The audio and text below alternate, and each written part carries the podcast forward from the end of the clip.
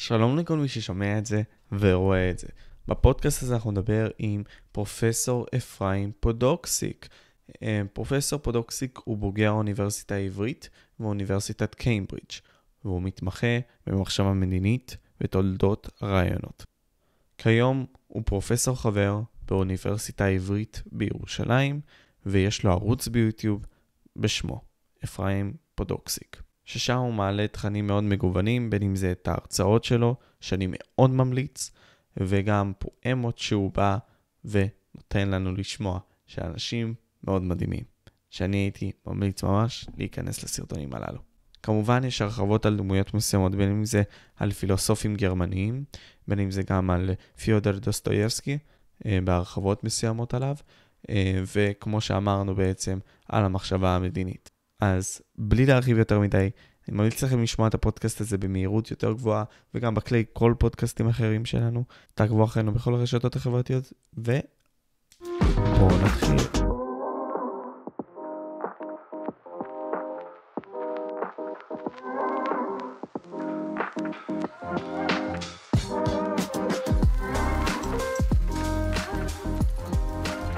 אוקיי, אז קודם כל פרופסור פודוקסיק היקר.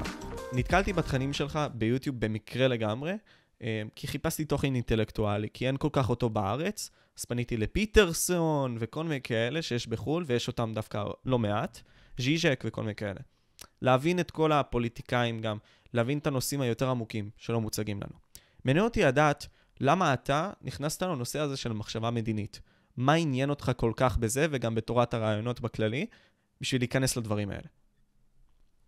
טוב, נושא המחשבה המדינית זה בעצם הנושא המקצועי אה, שלי, שאני למדתי אותו כבר כשהייתי סטודנט באוניברסיטה והמשכתי בקריירה המקצועית, וזה בעצם מה שאני מלמד באוניברסיטה. ואני, לא הייתה לי כוונה להתחיל בערוץ יוטיוב, זה פשוט כך יצא שאני התחלתי לצלם את ההרצאות שלי כדי להפוך אותן ליותר נגישות לקהל יותר רחב, ואז בסוף, אה, זה בעצם החומר שאני יכולתי אה, להציע לקהל באיכות ה... הגבוהה אה, המקצועית ביותר, כי זה מה שאני אה, בעיקר מכיר.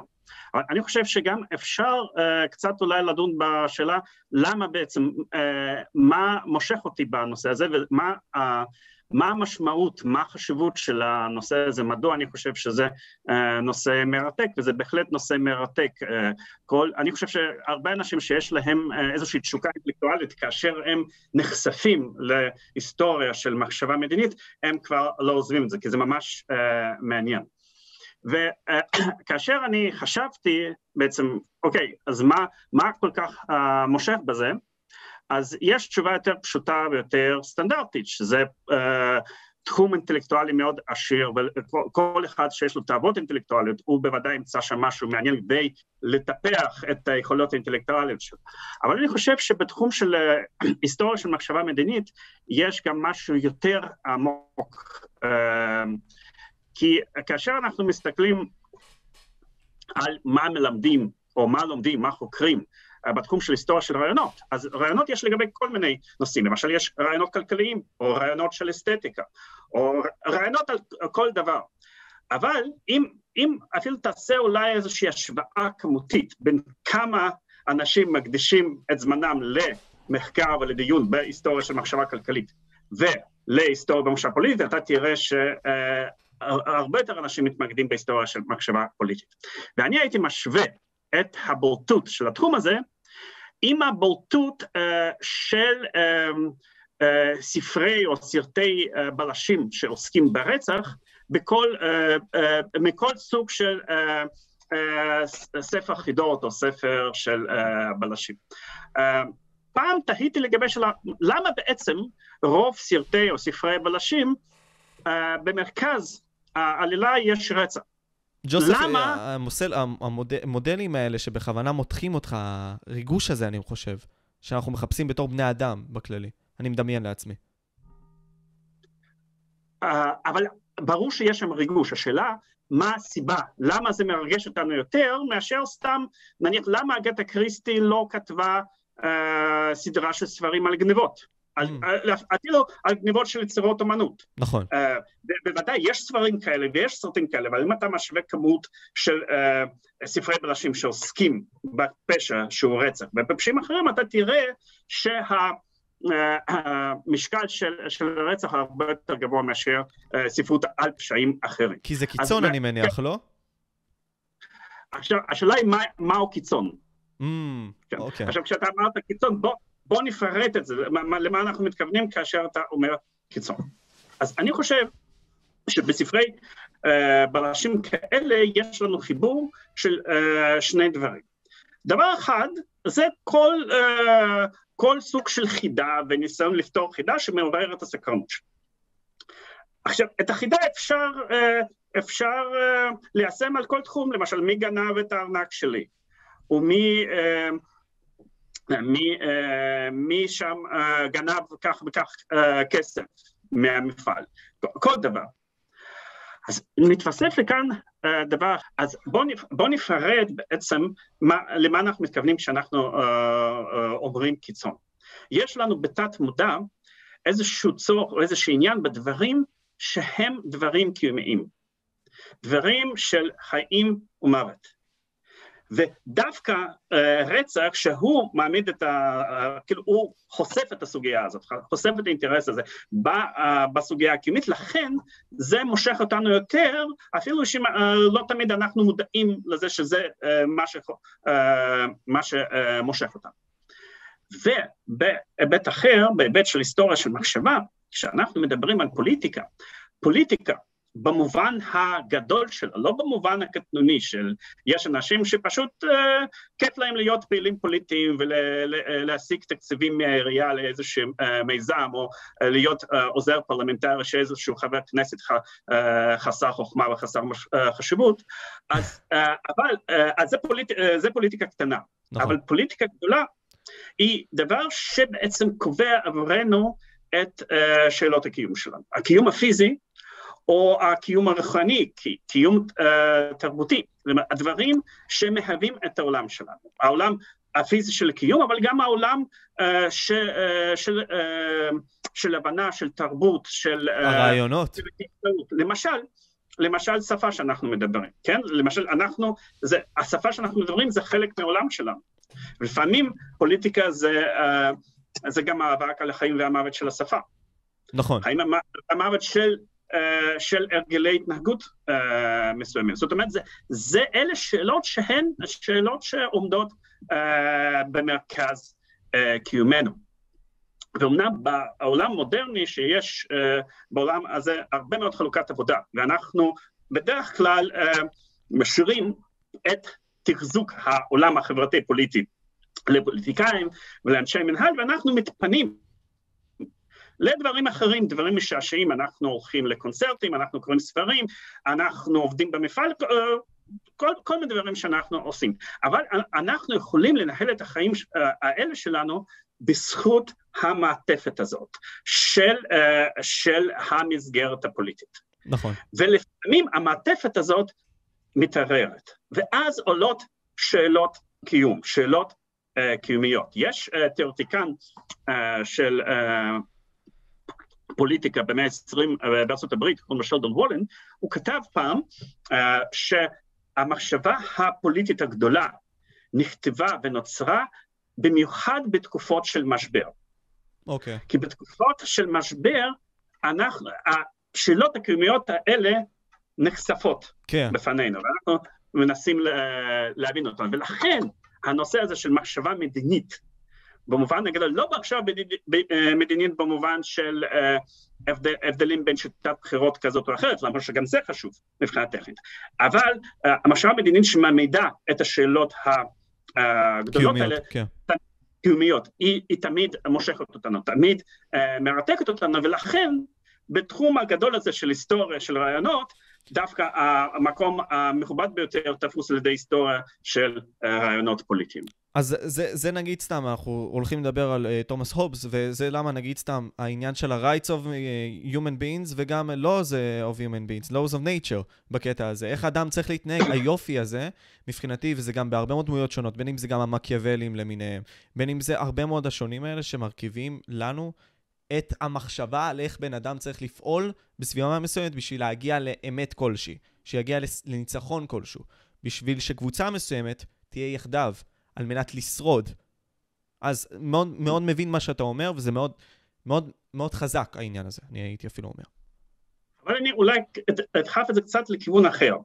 כי איך שאתה הצגת את זה, אה, משתמע מכאן, ואולי, ואולי אני לא שמעתי נכון, אבל משתמע לפחות, שבעצם אתה אומר, המחשבה המדינית או הפילוסופיה הפוליטית זה משהו שאמור לתת לנו מין מרשם, איך אני אמור לפעול, או איזה בן אדם אני צריך להיות, איך אני צריך להתייחס לדברים כאלה ואחרים, ובוודאי יש בתיאוריה הפוליטית המון מרשמים כאלה. נכון. אלא אני, מתוך זה שאני גם חקרתי את המחשבה הפוליטית, אבל גם חקרתי את ההיסטוריה הפוליטית בהרבה תקופות, בהרבה אזורים, אני מאוד מסויג מהאופטימיות הזאת שהמחשבה והתיאוריה הפוליטית יכולה ללמד לנו משהו. אני לא זיהיתי שום קרילציה בין חוכמתו או בין בקיאותו של האדם לבין כך שהוא יבחר בדרך הנכונה ברגע הנכון, גם מבחינה פרגמטית וגם מבחינה אה, מוסרית. לפחות, לפחות מאוד לא מומלץ פשוט לקחת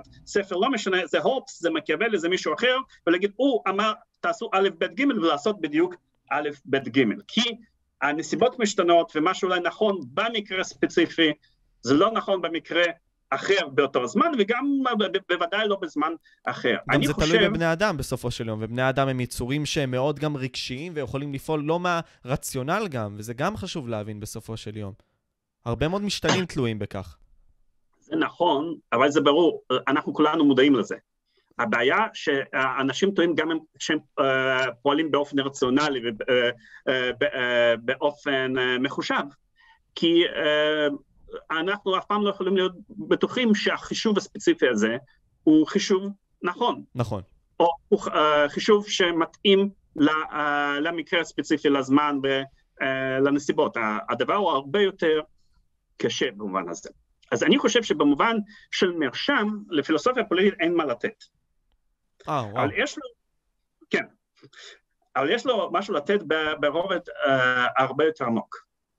והרובד הזה הוא שהיא מאפשרת לנו לפתח את הדמיון שלנו, להוציא אותנו מהשגרה, איך שאנחנו תופסים את המציאות החברתית הפוליטית עכשיו, ולדמיין משהו אחר. Uh, והדבר חשוב מאוד על מנת שאנחנו נוכל איכשהו לנווט את עצמנו במים המסוכנים האלה של הפוליטיקה הגבוהה. ויש סוג, uh, יש שני סוגים של אנשים מדמיינים. סוג אחד של אנשים מדמיינים זה אנשים שאומרים, uh, אני יכול לדמיין משהו הרבה יותר טוב. חיים, חיים חברתיים פוליטיים הרבה יותר טובים. אנחנו קוראים להם אה, אוטופיסטים, אנשים שמדמיינים לעצמם אה, עולם אוטופי, ואומרים, אוקיי, המצב שלנו הוא לא משהו, אנחנו צריכים לשנות את זה לכיוון הזה והזה, כדי להגיע ל... תוצאה אה, כזאת וכזאת. שלי. עכשיו, אלה מדמיינים מאוד מסוכנים. הדמיון הנכון הוא דמיון של שבריריות. וזאת כי? אה, וזאת כי הקיום האנושי וגם קיום חברתי זה דבר שהוא תמיד שברירי. זה תמיד, אה, מתחת לפני השטח יש לנו סכנות רבות. Mm. והחינוך הפוליטי האמיתי מתחיל מהיכולת לדמיין הרס, לדמיין מוות אה, ולדמיין היעלמות של משהו. הדברים האלה קורים לעיתים הרבה יותר קרובות מאשר הדברים היפים והאוטופיים. המתוקים ביותר. אז כן, אה, בוודאי. וזה אה, למשל גדולתו של אה, תומאס הופס. תומאס הופס, בדרך כלל חושבים עליו כסוג של בן אדם שמין ציניקן ריאליסטי קר, אה, שמדבר רק על אינטרסים ועל מאבקים בבני אדם, זה לא בדיוק נכון, כי זה בן אדם שמאוד מאוד העריך ורצה אה, לקיים חיים מתורבתים, שבהם ציוויליזציה פורחת, המדע פורח, יחסי אנוש נדיבים. בורחים. אבל הוא אמר, האם אתם רוצים לקיים את החיים האלה? אתם צריכ, אה, צריכים להיות כל הזמן, להיות מודעים לכך שמתחת לפני השטח יש הרס, יש כוחות ההרס. ואם אתם שוכחים מזה, אתם לא תחזיקו בחיים המתורבתים האלה אה, לאורך אה, זמן. צריך להיות מודעים לרוע, אתה אומר, בסופו של יום. הרוע לא, האנושי אה, והרוע של הרוע, הסיטואציה. רוע זה סובייקטיבי. בוא נאמר, זה, זה, זה ביטוי מוסרי, זה ביטוי, אה, ביטוי נורמטיבי. אה, אבל אה, זאת אומרת, יש אנשים שחושבים שהרס אולי זה טוב, זה גם יש אנשים כאלה, אני לא, לא אתווכח, אבל אנחנו צריכים להיות מודעים לדינמיקה של ברבריזציה, לדינמיקה של ההרס. גם חיי בני אדם, פרטי, תמיד שבריריים, קל מאוד להרוג בן אדם, ומוות זה אחד הדברים הקלים שיכולים uh, לקרות. אותו דבר לגוף המדיני. גם לגוף מדיני uh, אורב לו מוות uh, מעבר לפינה uh, בכל רגע, ואנחנו צריכים להיות uh, uh, מודעים לזה. עכשיו, יש כאן פרדוקס, ופרדוקס הוא שאם uh, אנחנו יותר מדי מודעים לזה, אנחנו עלולים להיכנס לדיכאון. נכון. וזה הנאיליזם. ניטשה, ניטשה אמר פעם שבעצם uh, השקר uh, העיקרי שאנחנו מספרים לעצמנו זה, uh, uh, זה השכחה מזה שאנחנו uh, בני מוות, שאנחנו מתים. ואם לא היינו מספרים לעצמנו את השקר הזה, לא היינו מסוגלים לתפקד. כדי לחיות אנחנו צריכים לשכוח מהמוות. אז אבל הבעיה היא שכשהחברה הפוליטית מספרת לעצמה את השקר הזה, היא מעמידה את עצמה במצב מאוד uh, מסוכן. והשאלה היא עכשיו, איך אתה יכול uh, לשמור על הראייה מפוקחת, וראייה מפוקחת היא תמיד ראייה פסימית, בלי שזה ישתק את היכולת uh, של תפקוד בונה, של, uh, של התפתחות. וכאן, ואני אקשר את זה עכשיו למחשבה מדינית, אני חושב uh, שכאן צריך uh, למצוא איזון נכון בין הרגש, וכבר דיברת פעם, uh, הזכרת את הרגש, לרצו שלנו, לשכל. אני חושב שהאיזון הנכון הוא להיות אופטימיסט ברגש ופסימיסט בשכל. Mm, אוקיי, mm, okay, יפה. זאת אומרת, תמיד להתכונן ולצפות מסיבה רציונלית לדבר הרע ביותר, להתכונן למלחמה גרעינית, להתכונן למתקפה, להתכונן מלחמת אזרחים ולמנוע את הסכנות האלה. כי ברגע שאנחנו שוכחים את הסכנות האלה, אנחנו מביאים אותן לעצמנו. נכון.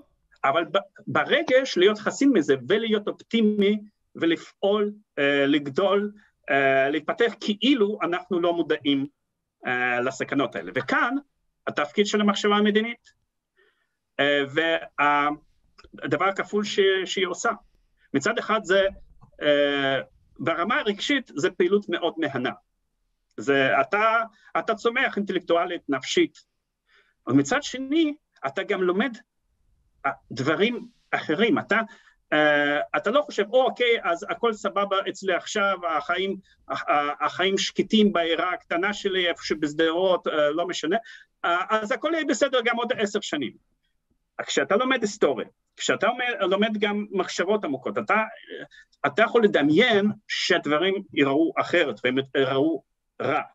ואתה מלמד את עצמך לפעול ולקבל החלטות לפי הרציה שלך, בלי שזה ישתק אותך. אני, אה, לפני כמה שנים הופק סרט על אה, צ'רצ'יל, אז אני לא יודע אם זה, אם זה, אה, שם מה שמביאים זה מחשבות של צ'רצ'יל, אז לפחות הדמיון של התסריטאים. Mm-hmm. אז יש, אז יש בו אפיזודה שבו צ'רצ'יל באחוזה שלו אומר לאשתו, הוא אומר תראי, יש כאן, כאילו, תראה את הפארק היפה שלנו ואת ה, את אזור הכפר ואת היער, ועל מה אני כל הזמן חושב? שהמגפיים של גרמנים דורכים על זה. ומדינה uh, גדול, גדול חייב לחשוב על זה כל, כל שעה וכל אה, שנייה ברמת הרצו בלי שזה ייכנס לו לרגש. וזה מאוד קשה, כי בסופו של יום זה ראיות עולם שלנו, והאינסטינקט ההישרדותי שלנו זה למנוע את זה. למנוע את הראו למה זה. אז זה שנגיד סתם אידיאולוגיה אחרת תיכנס, או מחשבה אחרת, זה מאוד נוגד את זה, אז איך בפועל זה עובד, כאילו, ממה שאתה יודע? כלומר, עם אותם אנשים. בפועל, אה, זה, אה, זה עניין של אומנות, זה כמו שאתה תשאל אותי איך עובדת השירה, איך, איך עובדת אומנות הציור. מה שברור שלא כל אחד מסוגל לעשות את זה, ואולי רק בני אדם מעטים מסוגלים לזה. Mm-hmm. רוב האנשים לא, מסוג... לא מסוגלים להיות מדינאים גדולים מתוך uh, זה שהם לא מסוגלים לחיות כל הזמן עם הדמיונות המדכאים האלה בלי להידרדר בעצמם uh, אל תוך uh, הדיכאון. ומה הדינמיקה הפנימית? זה קשה, זה בכל, בכל מקרה זה, זה באופן אינדיבידואלי, אנשים מתפתחים באופן שונה. מה שאנחנו כן יכולים, uh, לדעתי, לעשות, זה להיות מודעים שאלה התכונות שאנחנו מחפשים. Mm. וכשאנחנו בוחרים במדינאים, אנחנו נבחר בדיוק באנשים כאלה שמסוגלים להרגיש כך. אולי יש רק עשרה כאלה בכל חברה, אולי רק מאה כאלה, אבל כשאנחנו מזהים את הדברים, אנחנו, אנחנו אומרים, אוקיי, זה בן אדם שבאמת, באמת טרוד בדברים האלה, והוא חושב כל הזמן איך, אה, איך לשמור על, על, על, על הגוף הפוליטי. Mm. כן? ואם אנחנו יכולים uh, לזהות בן אדם כזה, למרות שאנחנו בעצמנו לא כאלה, וזה מאוד קשה, התכונות, שילוב הזה מאוד קשה, אז אנחנו אולי נעשה אה, זיהוי יותר נכון של האנשים המתאימים אה, להוביל אותנו גם בעיתות של שלום וגם במיוחד בעיתות של מלחמה. אז פרופסור בודוקסיק, בוא תרחיבי לי על זה. כלומר, מה התכונות של מדינאי שאמור לתפקד ולעשות את העבודה שלו נאמנה. אני, פה, אתה דיברת על העניין הזה של ה... אה, ברציונל זה הפסימיזם לפתח אותו ושהוא יישאר ככה, ומבחינת הרגש, האופטימיזם הזה שאמור להיות אצל אותו מדינאי. איזה עוד אותן הסתכלויות ואיזה אותן מחשבות אמורות להיות אצלו? אני חושב שכמו לכל uh, בן אדם גדול, נניח אנחנו מדברים עכשיו מדינאים גדולים, הוא צריך uh, להיראות uh, ולחשוב על עצמו כבן אדם פשוט. Mm. באיזה מובן? עכשיו, אני מדי פעם מבקר uh, בכנסים אקדמיים, פוגש אקדמאים, מדענים, ויש לי איזושהי דרך, אני לא אומר שהיא חסינה מטעות, אבל זה איך שאני רואה את זה, לראות, אוקיי, מי הוא אקדמאי שהוא בסדר, איש מקצוע מצוין, ומי הוא מדען גדול, כמעט גאון. אוקיי. Okay. אז לפעמים אתה פוגש בן אדם ואתה אומר, או, oh, זה באמת, זה, זה עילוי, זה בן אדם יוצא, uh, יוצא דופן. ובדרך כלל מה שמאפיין, איך שאני רואה את, ה, uh, את האנשים האלה שהם uh, גדולים, אתה רואה את ה... אתה מרגיש, אתה מדבר איתם, אתה מרגיש את המוח שלהם, איך הוא עובד, אתה, אתה קורא את מה שהם כותבים ואתה אומר, או זה עשר אמות מעל כל, כל uh, מדען סביר או משהו כזה, זה בדרך כלל יהיה בו משהו נערי. כן. ה growth mindset הזה. כן, בדרך כלל הוא, הוא, יהיה, הוא יטיל כל הזמן ספק בעצמו, mm. כי הוא ירצה ללמוד עוד. הוא, הוא ידבר מתוך סקרנות. עכשיו, הובס פעם אמר שהסקרנות היא תאוות המחשבה. זאת אומרת, כמו שיש לנו תאוות אה, של גוף, תאוות אה, פיזיות, יש תאוות למוח שלנו. והסקרנות זה, אה, זה בעצם התאווה. ויש אנשים שאין להם את אותה תאווה במידות מספקות, אבל אצל בן אדם שהוא עילוי אינטלקטואלי, אז יש לו אותה סקרנות, לא, אה, והסקרנות הזאת מביאה אותו כל הזמן להבין שהוא לא יודע מספיק, הוא לא מבין מספיק, כאשר הוא נתקל במשהו שלא מבין, הוא שואל בתמימות מה זה. כמו אותו ילד בהגדת אה, בהגדת הפסח, הוא, הוא, הוא, הוא נשאר באיזשהו מובן ילד uh, תמים, הוא לא מבין, הוא לא מבין את גדולתו במובן הזה. אז, זה, אז אני חושב שאני יכול גם לעשות מקבילה ל, למדינאי uh, uh, uh, גדול. זה, מד, מדינאי גדול הוא אף פעם לא בן אדם זחוח. Mm-hmm. הוא בן אדם שכל הזמן לא בטוח בעצמו. הוא, כמובן הוא צריך לפעמים לתפקד, במיוחד בעיתות משבר, כבן אדם סמכותי, ובן אדם ש, שבטוח בעצמו, או לפחות מראה את זה. כן.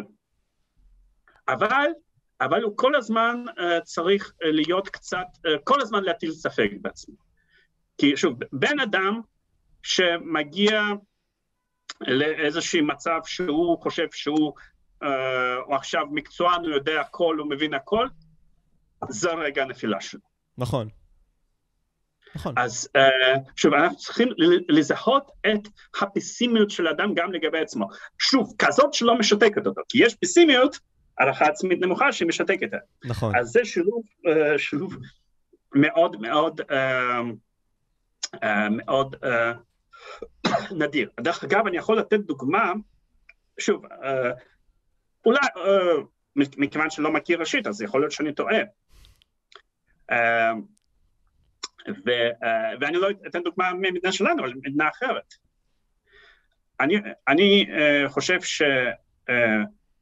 שאם אנחנו מסתכלים על מישהו כמו בוריס ג'ונסון היום, ראש ממשלת בריטניה, הוא באמת מתברר כמדינאי גדול, ודווקא משום שהוא לא בן אדם מושלם והוא גם לא מציג את עצמו כמושלם והוא מבין שהוא לא מושלם, הוא אפילו לא מתלבש. הוא צוחק על עצמו, הוא צוחק על, ה, על הדברים, הוא גם צוחק עם האנשים סביבו, וזה יופי, זה מוזר גם לראות את זה בפוליטיקה.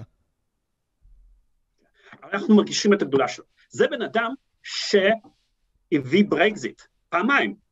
פעם ראשונה שהוא, אה, שהוא ניהל את הקמפיין ואנשים צחקו עליו והקניטו אותו ואמרו שהוא מגוחך, ואומר כל מיני דברים שהוא שקרן וזה. ופעם שנייה, כשבעצם היה ניסיון לחבל בברקזיט, אחרי משאל העם, והוא עדיין הצליח להוביל uh, לזה כנגד uh, כל הסיכויים. Uh, פרופסור. פודוקסיק, אם אתה יכול, אני מצטער שאני קוטע אותך, להסביר על הברקסיט, כי יש כאלה בטח שלא כל כך מכירים את מה שבוריס ג'ונסון עשה, אני אשמח. אוקיי, okay. אז uh, הדיון, ויכוח בבריטניה, האם להישאר באיחוד האירופאי, זה ויכוח uh, ישן, מתנהל הרבה שנים, וככל שהדחף הזה לאיחוד יותר יותר צמוד ולהפיכה של אירופה לפדרציה, גבר כך יותר ויותר הציבור הבריטי התחיל uh, uh, להתנגד, וצמחה מפלגה אה, בבריטניה, אה, מפלג, אה, מפלגת עצמאות של, של, של בריטניה הגדולה, שבעצם דרשה פרישה מאיחוד אירופאי. המפלגה הזאת התחילה לקחת קולות מצביעים מהמפלגה השמרנית, ולכן הממסד של מפלגה שמרנית, שאומנם היה נאמן לאיחוד אירופאי, הממסד הזה הסכים לערוך משאל עם כדי למנוע את הזליגה הזאת של הציבור אה, שהוא נגד האיחוד האירופאי למפלגה החדשה הזאת, כאשר הממסד הזה חשב שהם ינצחו יחסית בקלות אה, במשאל העם, והציבור יצביע נגד הפרישה. אבל הם טעו, ואחד האנשים ש... שהוביל את המאבק ונרתם למאבק הציבורי למען פרישה מאיחוד אירופאי, היה בוריס ג'ונסון, אה, שמאחוריו הייתה כבר קריירה ארוכה של עיתונאי, ואחר כך גם שימש כראש אה, עיריית אה, לונדון, והוא וגם כמובן מפלגת העצמאות של, של בריטניה הגדולה ועוד כמה פוליטיקאים ש, אה, שהצטרפו למאבק הזה, הם הצליחו, רוב הציבור בבריטניה הצביע, הצביע עבור פרישה מאיחוד אירופאי. כמובן שהממסד הפוליטי והעילית של החברה הבריטית לא קיבלה לא השלימה עם התוצאות של המשאל העם הזה, ובמשך כמה שנים ניסתה לחבל במשאל העם. למשל, אה, למין, אה, לערוך איזשהו הסכם עם האיחוד האירופאי שיראה כפרישה, אבל למעשה לקשור את, אה, את בריטניה לאיחוד האירופאי. מכל מיני סיבות הם נכשלו, ועל רקע הכישלון הזה בוריס ג'ונסון הצליח לעלות להנהגה של המפלגה השמרנית ולהפוך לראש ממשלת uh, בריטניה, וגם אחר כך בבחירות לזכות ברוב uh, מוחץ כן. נגד ג'רמי קורבין מלייבור. נת... והוא הביא להסכם שבעצם היה... משמעותו הייתה פרישה חד משמעית וניתוק של בריטניה מהאיחוד האירופאי.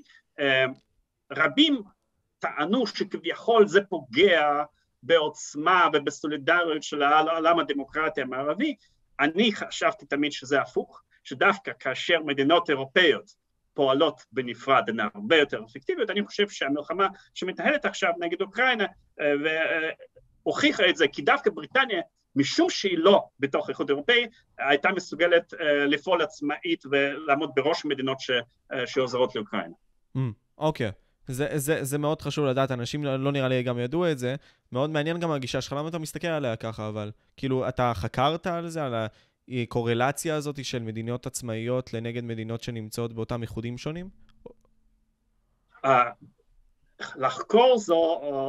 זו... כן, כן, יש לחקור ויש לחקור. להתבונן. להתבונן, נכון, פעם, זאת המילה פעם נכון. סטודנטית, כשלימדתי בטורקיה, שאלה אותי, אני לימדתי שם כמובן מחשב מדינית, זה היה לפני 20 שנה, שאלה אותי איך, איך זה שאתה מתמצא כל כך בפוליטיקה, מבין כל כך טוב בפוליטיקה. טוב, זו הייתה מחמאה, אבל אני מסכים איתה. כן. בפוליטיקה במובן מה, מה צריך לעשות, מה יקרה. אני, למה, אולי אני לא צריך להיות מדינאי, מדינאי כי אני במובן זה לא מטיל יותר מדי ספק בעצמי. אז אני חשבתי שאני מבין, למרות שכמובן אני, אני לפעמים טועה בתחזיות שלי, ואז, אה, ואיך, והסאבטקסט היה איך אני, אה, אני, איך אני אתחיל להבין בפוליטיקה. ואני נתתי לה תשובה שאני נותן לכולם. אני אמרתי, זה לא קשור לספרים שאני קראתי או לפילוסופיה שקראתי, זה פשוט כי אני, אני צופה, אני קורא חדשות פעמיים ביום. מעניין. והיא יצאה מאוד מאוד לא מרוצה, כאילו די אכזבתי אותה. אבל יש לזה גם היבט נוסף, לא כשאני קורא אותם אני גם זוכר. אחת הבעיות uh, של הזיכרון של אנשים שלא שמים לב, זה שהדבר החדש שנכנס לזיכרון מוחק את מה, ש... מוחק את מה שהם זכרו קודם. אז חשוב מאוד לשמור על רצף של הורים. כדי, לפחות כדי להבין את ה... כי יש מלא סמוק סקרינס, תוך כדי שזורקים עליך, שאתה לא, שאין מה לעשות, נכון. ככה עושים את זה, זה הפוליטיקה. אז צריך, צריך לזכור משהו ש, שמשהו קדם למשהו. למשל, אני אתן לך דוגמה. Uh, שוב, אנחנו לא מדברים כאילו על הפוליטיקה שלנו, אנחנו... מה, בעולם, כן. כן. בעולם.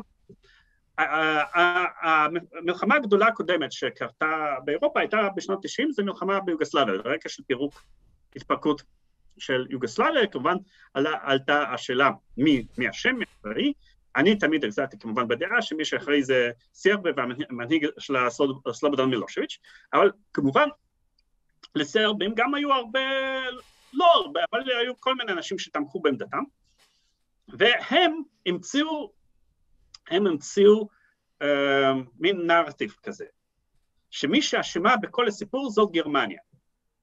למה גרמניה אשמה? כי, אה, כי קרואטיה פר, אה, פרשה מיוגוסלביה, זו הייתה אחת העילות, זאת אומרת, שתי, שתי רפובליקות, סלובניה וקרואטיה פרשו מתוך יוגוסלביה, ואז סרביה החליטו לתקוף, גרמניה עודדה אותם והכירה בקרואטיה עצמאית. Mm. עכשיו, מה לעשות, אני קורא חדשות פעמיים ביום, ואני זוכר שקרואטיה וסלובניה פרשו בקיץ 1991, אבל uh, גרמניה האיטית והמושפלת לקח לה חצי שנה להכיר בהן כמדינות עצמאיות. זאת אומרת, אם אתה זוכר את רצף האירועים, אתה מבין שהנרטיב הזה שמצדיק את סרביה הוא בולשיט, לפחות איך שהוא מוצג. וזה קורה הרבה מאוד uh, פעמים. אז זו דוגמה אחת, מדוע לא רק צריך uh, להתבונן במה שקורה מבחינה פוליטית, אלא גם לקשור בין אירועים, לדעת מה קדם למה. בדרך כלל אירוע שקודם לאירוע אחר, הוא זה שמהווה את התנאי המקדים. בדרך כלל שאירוע שקורה אחר כך לא משפיע על אירוע שקרה קודם. אה, זה הגיוני, זה מתמטית נכון, בוא נגיד ככה. נכון, נכון מתמטית, אבל הרבה אנשים, אה, כאשר הם מתרחקים מאירועים, הם אה, מוחקים את זה בזיכרון שלהם, או עוזרים להם למחוק את זה בזיכרון שלהם, או כל מיני דברים כאלה. אז אתה שואל למה, איך אני חוקר את זה, אני מתבונן. אני מתבונן במה שקורה, ואני מסיק כל מיני מס, מסקנות ש, שלי שהן מסקנות טנטטיביות. למשל, כאשר כל מיני אנשים במשך עשרות שנים פמפמו את אותה אמירה שבזכות האיחוד האירופאי לא הייתה מלחמה גדולה באירופה, אולי אתה שמעת את זה, אז אני חשבתי שזה טיעון לא הופך ליותר חזק, אה, אגם שחוזרים עליו אה, אלפי אנשים אלפי פעמים. כי אה, הסיבה שלו, אחת הסיבות שלו הייתה מלחמה גדולה באירופה זה נאט"ו, ונאט"ו זה לא איחוד אירופאי. לא קשור, כן. ונאט"ו נתן, נתן את הערבויות האמריקאי של מדינות אחרות לכך ש, uh, שבעצם הם יגנו אחת על השנייה אם uh, תהיה uh, תקיפה עליהם. אין שום קשר לאיחוד, לאיחוד אירופאי. אנשים שמין קראו סניגור על איחוד אירופאי תמיד חזרו על אותה מנטרה, ואני מסתכל על, על האירועים, איך שאני מכיר אותם, ויכול להיות שאני טועה דרך אגב, אבל אני לא יכול, ממה שאני רואה אני לא יכול לקבל את זה. אז אני תמיד אה, ראיתי ש, אה, שמדינות רב-לאומיות גדולות לא מתפקדות טוב, והן אה, גם לא יכולות, לא מצליחות לקיים משטר דמוקרטי יעיל. אוקיי. Okay. על מנת על מנת לקיים משטר דמוקרטי יעיל אתה צריך להיות מדינה יחסית, מדינה לאומית יחסית מגובשת. נכון. וככל שאתה בונה מין מפלצת כזאת... כמו ארצות הברית. אז... ארצות הברית זה לא. ארצות הברית זה מדינת לאום. אה, אוקיי. אה... אוקיי. ואתה יכול להסביר גם למה, כי אם, אם אני תפסתי על זה, אני מניח שגם אחרים. uh, מה שחשוב זה לא גודל המופשט של המדינה, אלא אתוס המאחד האתוס הלאומי המאחד. לאירופאים אין אתוס לאומי מאחד, הם עדיין רואים את עצמם קודם כל כבני לאומים שמרכיבים את האיחוד האירופאי, הם גרמנים, צרפתים, איטלקים. Mm-hmm. לעומת זאת, יש אתוס uh, של האומה האמריקאית שיש לה אינטרס כאומה אמריקאית והיא פועלת כאומה אמריקאית. אולי בשנים האחרונות האתוס הזה קצת, uh, קצת הולך ומתערער, וזו תופעה מסוכנת. נכון. זו תופעה מאוד מסוכנת. אני פה רוצה גם, להת... אתה ציינת את העובדה הזאת שאתה צורך חדשות פעמיים ביום. אמרת את זה. מעניין... אפילו יותר עכשיו. בגלל כל ה... כן. אז אתה רואה... אבל אז צרכתי פעמיים ביום. אז בתקופת טורקיה, שזה היה כזה ב-2004, 2005 כזה, משהו בסגנון, אני מניח. כן, 2002, 2003. אה, בכל מקרה. אה, לא, כמעט קלעת... לא, כי אני זוכר, אני זוכר שהיה איזשהו שלוש שנים נראה לי שהיית בטורקיה באותו זמן, נכון? שנתיים. שנתיים. עוד פעם, עוד פעם. לא קולע בול. בכל מקרה, אני, תקשיב, אני לא רואה חדשות כמעט. אני צורך את החדשות שלי, כלומר, את החדשות, מארגונים שהם לא ממשלתיים, כלומר, ככה אני לפחות עושה את זה, וגם הרבה מאוד אנשים סביבי עושים את זה.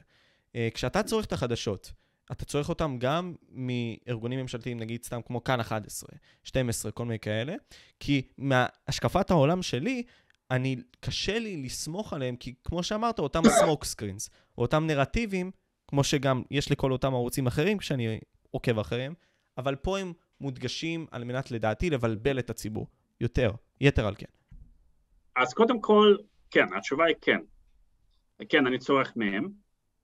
Uh, דבר ראשון, uh, אם אתה מרגל טוב, אתה צורך uh, מידע מכל מקום, נכון? כי בדרך כלל, הרי מה אתה עושה עם המידע הזה? אתה מארגן את זה כדי להבין מה קורה כאשר מי שמוצא את המידע הזה לא מבין את המשמעויות. כשאני קורא את ynet, נניח אתר החדשות המרכזי עבורי זה ynet, אז אני קורא את זה, מה אתה חושב, העורך של כל מבזק ב-ynet, הוא מבין איך, אילו, אל, אילו משמעויות יש לחדשה הספציפית הזאת בראש שלי? לאירוע אקטואלי? לא, לא. לא. לא, אז כאילו, ומכיוון שזה ארגון עם משאבים גדולים, בדרך כלל אתה תקבל חדשות יותר כוללות, יותר מהימנות לפחות לאזור שלנו. אלא מה? צריך להיות מודעים לכך שמדי פעם, במיוחד במקרים מסוימים או איזשהו מצב חריף שנוצר, אתה לא תקבל את כל החדשות. אז אתה צריך להוסיף לכאן גם את ה... אה, את המקורות האלטרנטיביים, אבל גם להיות מודע לכך שמקורות אלטרנטיביים יש להם פחות משאבים ואתה אה, תמצא שם הרבה אה, יותר דברים שהם לא אמינים. אז אני לא מייחס משקל, משקל רב יותר למקורות האלה, ומספיק לי לקרוא את ynet כדי לראות את המצב ולהגיד התפיסה של אנשי ynet היא מופרכת. בחלק מהמקרים, יכול להיות שאחרת... צריך, להפ... כן. צריך להבחין בין חדשות ל... ל... לדעות או להשקפה או תפיסת העולם שלהם. עכשיו, הם רוצים שאנשים שלא מסכימים איתם יהיו מאוד תלויים במקורות החלופיים. כי מה, ש... מה קורה? המקורות החלופיים הרבה מאוד מביאים אנשים להסתכלויות הזויות מאוד. ואז קל קל מאוד לשלוט באנשים שמאמצים תפיסות הזויות, קל מאוד להגיד, או, הם הזויים. Mm.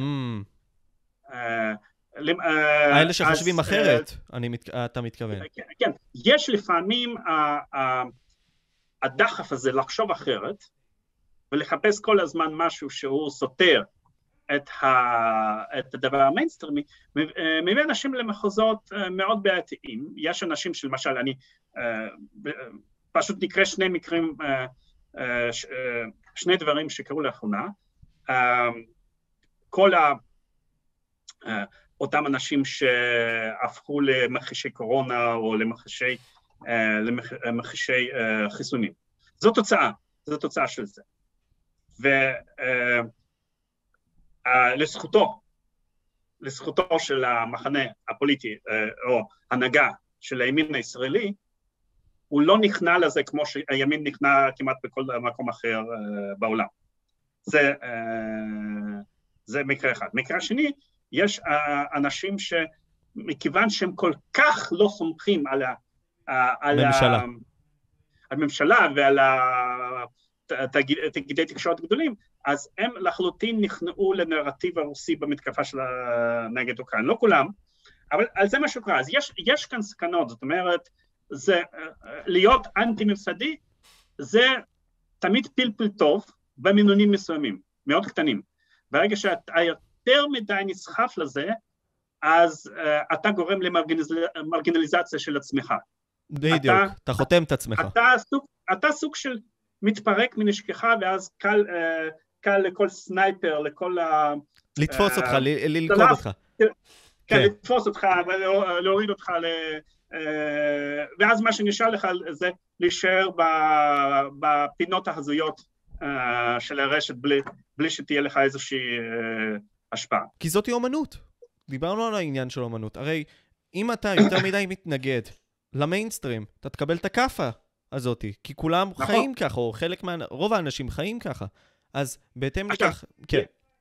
לפעמים מיינסטרים הוא שקרי לגמרי, יש נניח במדינות שהן מדינות דיקטטוריות, מדינות טוטליטריות, אתה, אתה יודע שכל דבר רשמי הוא שקר, אתה יודע שמדינה היא בלתי מוסרית, היא, אה, היא שקר, ואז אז כמובן זו בחירה מוסרית, אתה לא רוצה ש... אתה רוצה שלא, שלא יהיה לך משהו איתם uh, בכלל, במשותף. אתה אומר, אני מעדיף להיות מרגינלי, אבל העולם המערבי החופשי של היום הוא לא כזה. נכון. כן? אז בהחלט רוצים להבין, קודם כל לקרוא את הממסדי, אבל גם להוסיף מקורות אמינים מספיק, שבמיוחד בנקודות הרגיש, אה, אה, רגישות. זאת אומרת, איפה שאתה יודע שהתקשורת ממסדית מודעת שהיא צריכה לנהל תעמולה, אתה לא יכול להיות מודע כל הזמן, אז אתה, uh, אתה לפעמים, אתה, הבעיה שאתה אומר אמת 95% מהמקרים, כי אתה לא יכול uh, למשמע את עצמך לשקר כל פעם ולחשוב מה יקרה. אז אם מתמקדת נניח בדברים שחשובים לו, אז ברור שכשזה מדובר בדברים כאלה, כמו נניח משפט נתניהו, אז מאוד חשוב uh, ממש לשים לב למה שאנשים uh, שלא במייסטרים אומרים. אבל uh, כדי להבין לגבי מה שקורה, לגבי ברקזיט, אז, אז פחות. אם כי אם אתה בבריטניה, גם כדאי, כי בבריטניה העילית כל כך השקיעה בלהתנגד uh, לברקזיט, אז uh, האמינות שלה, uh, שלה ירדה. אבל עדיין, uh, לידע כללי ולהבנה כללית, צריך לקרוא את הדברים הסולידיים. נכון, ולפני שאנחנו ניכנס לאובס, שאלה אחרונה, זה, זה אומר בעצם שיהיה לך critical thinking בקטע הזה. כלומר, שאתה כל הזמן תבקר את אותם דברים ותדע איך, גם לוגית, איך לפתח את המחשבה של להבין מה כן, פחות או יותר, מה לא, יותר להבין את זה. אבל רובנו לא יודעים לעשות את זה, כי לא מלמדים אותנו לעשות את זה. יש לך אולי טיפ שאתה יישמת כל מיני כאלה בנוגע לזה? לא, אני, אני תמיד, אני אהיה כאן בן אדם מאוד מאכזב עם הפסימיות שלי, ואני אגיד שאין טיפים כמו שאין טיפים איך להיות משורר, איך להיות מלחין, איך להיות uh, מוסיקה, אז בסופו של דבר זו עבודה שאתה צריך להיות, uh, לעשות uh, בעצמך, וזה uh, תמיד בא עם uh, אינטרוספקציה פנימית, עם הרבה ניסיון, אתה מש, משתפר עם זה. Uh, אני זוכר פעם, uh, כשהייתי בן 15, אבא, אבא שלי, כאילו, חגג, לקח אותי לאיזה מסעדה ליום הולדת, ואז הוא אמר לה דברים טובים ודברים שליליים, והדברים שליליים הוא אמר שאתה עדיין לא חושב בצורה עצמאית. ואני תמיד חשבתי שזה ערך, ואני רציתי לחשוב בצורה עצמאית, רק לא ידעתי איך. ואני חושב שזה גם בגיל 18 לא ידעתי, גם, אולי גם בגיל 20, אבל לאט לאט אתה, אתה לא יכול להוציא את זה בכוח. מתישהו זה בא לך, אתה, אתה צריך להיות מודע לזה שזה ערך, אתה גם צריך להיות מודע לזה שאתה רק בן ה-15, בן 18, אז יש לך מגרות, זה, זה, זה מטבע הדברים. נכון. זאת אומרת, זה, זה, זה, זה דבר טבעי. כן, אז לא, לא להתרגש מזה, לנסות לחשוב, לעשות טעויות, להגזים, ותמיד לעשות ניתוח בדיעבד. איפה טעיתי? מדוע אני טעיתי? איך יכולתי לעשות את זה אחרת? איך יכולתי לחשוב טוב יותר אחרת? אני למשל, אני, אני אגיד, אני עשיתי uh, טעות uh, איומה לאחרונה, אבל מה לעשות? כאילו, כמו רוב, רוב הפרשנים, רוב המתבוננים, שחשבנו שלא תהיה מלחמה גדולה, כן? אז, כי לפי כל הנתונים זה לא היה אמור לקרות, אבל אנש, היו אנשים ש... כן חזו וכן הבינו שזה יהיה, אז איפה אני טעיתי, למה הם, למה, במה הם צדקו, מה, מה, מה הם הבינו נכון, אז uh, לפעמים גם אתה, uh, אין, אין איזושהי דרך אחת ודאית uh, להיות צודק, אולי לפעמים אתה uh, צדקת כי אתה ניחשת, כי העולם הפוליטי זה אתה, נכנס אתה נכנס לסטטיסטיקה הזאת בסופו של יום, ויכול להיות שאתה תהיה מנצח, ויכול להיות שאתה תהיה מפסיד גם אם אתה תנחש. נכון, לגבי כל תסריט שקורה בעולם, בהיסטוריה, בפוליטיקה, תמיד תמצא אדם שניחש את זה. זה נכון. וזה להרבה מאוד כן, המצאות. אבל הוא ניח... אולי ניחש את זה במקרה.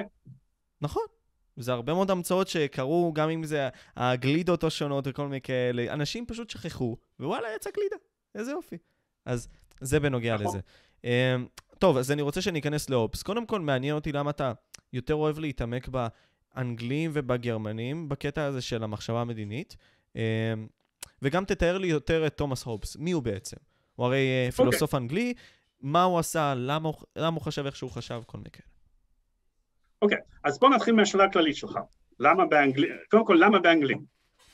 כי כשאני חוקר את גרמנים, אני חוקר פחות את עניין של מחשבה פוליטית, אלא דברים אחרים אצלם. אז uh, בכל תרבות יש דברים שיודעים לעשות יותר טוב. אה, למשל, אם אתה אה, רוצה למצוא מלחינים גדולים, בדרך כלל אתה הולך לגרמניה ואיטליה, כי יש, יש שם מסורת, אה, יש, אם, אם אתה רוצה את אומנות החיזור והרומנטיקה, אתה הולך לצרפת. נכון. אם אתה רוצה איך לעשות עסקים, אתה הולך לארצות הברית. כן? אז יש, אתה, אתה, אתה לא, כתרבות, כאומה, אתה לא יכול להצטיין בכל דבר. אז יש דברים שטופחו, בברזיל טופח הכדורגל, אז הנה הכדורגל הברזילאי.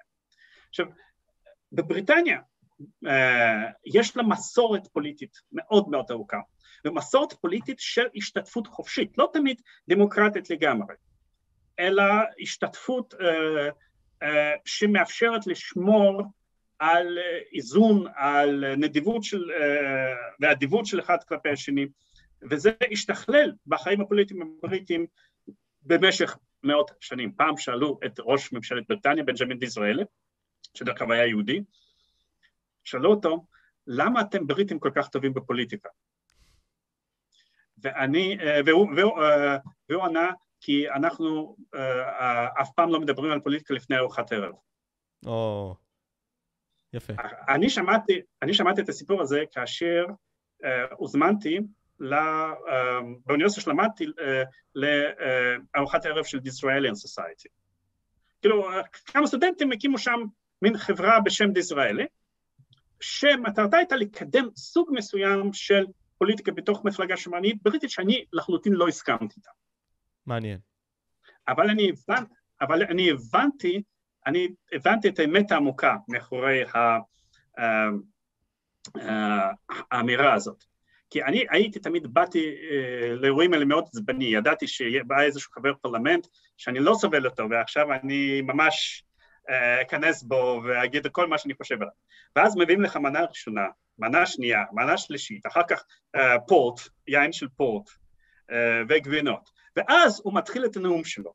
ואתה כבר מרגיש טוב, כי אתה אכלת כל כך טוב, כן, שילמת 35 פאונד על הארוחה הזאת, ואז אתה שואל שאלה מאוד מנומסת, מאוד אדיבה, ואז הכל uh, מתנהל על מי מנוחות. אז בקיצור, בבריטניה יש מסורת, יש טכניקות של לעשות פוליטיקה במשך מאות שנים, לפעמים גם כרתו ראשים שם, זה גם קרה, אבל בסופו של דבר זה לא פוליטיקה דיקטטורית, לא פוליטיקה של במחשכים, כמו שהייתה בהרבה חצרות באירופה, נניח בספרד, אלא פול, פוליטיקה פתוחה, שאנשים מדברים, מתווכחים, מגיעים להסכמות. וכאשר, uh, והאומה שעוסקת uh, באובססיביות, בפעילות מסוימת, היא גם מתחילה לעשות רפלקסיה. מה אני עושה? איך אני עושה? ולכן, מכיוון שהבריטים גם היו טובים בפוליטיקה, הם, גם החשיבה שלהם על הפוליטיקה הייתה ברמה מאוד איכותית. ואומנם הפילוסופים הגדולים אולי ביותר בעולם הם לא בריטים, הם נניח גרמנים, המטאפיזיקה, הפילוסופיה הכללית הגדולה ביותר נכתבה על ידי גרמנים, אבל האגף של הפילוסופיה שנקרא פילוסופיה פוליטית, רוב ההוגים הגדולים הם ההוגים הבריטים. זאת אומרת, יש uh, קשר בין, uh, בין uh, uh, ניסיון רב שנים של עיסוק מסוים בנושא ומחשבה בנושא הזה. וכשאתה הולך ללמוד משהו, אתה, אתה, אתה תמיד נהנה ללמוד משהו ש, שעושים בו, במקום שעושים בו הכי טוב. אם אתה רוצה ללמוד, לבשל, אתה לא נוסע לאנגליה, אתה נוסע לצרפת, אתה נוסע לאיטליה. אם אתה רוצה ללמוד לעשות פילוסופיה אה, מטאפיזית אה, בסגנון של קאנט, אולי תיסע לגרמניה. אם אתה רוצה. לך לתרבות. לחשוב, כן, לחשוב על פילוסופיה פוליטית טוב, אז בוודאי אתה צריך להגיע לאנגלית, כי יש שם עושר כזה, וגם זה גם יכול uh, ללמד אותך. ותומאס הופס הוא אולי הפילוסוף הפוליטי האנגלי הגדול uh, ביותר, ואולי הפילוסוף הפוליטי uh, הגדול אה, בעולם, במובן מסוים הוא פילוסוף פוליטי אה, אקטואלי, עד, עד היום. עד וואו. היום אפשר לדבר, כן, אה, שהדברים שלו הם עדיין תקפים. היה פעם אחד כזה שהתחזה להוגה פוליטי או כלכלי, קראו לו קרל מרקס, אז היום אנחנו, היום אנחנו צוחקים עליו. כן, אז uh, תוחלת שלו הייתה איזה מאה שנים וזהו. Uh, וגם אם אתה תקרא את הספרים האלה, אתה תראה שיש שם... Uh, את הדס קפיטל uh, וכל מיני כאלה, כן. Uh, כל, כל כותב פייסבוק אינטלקטואלי שני כותב יותר טוב וביותר עומק מאשר הדברים האלה שנכתב.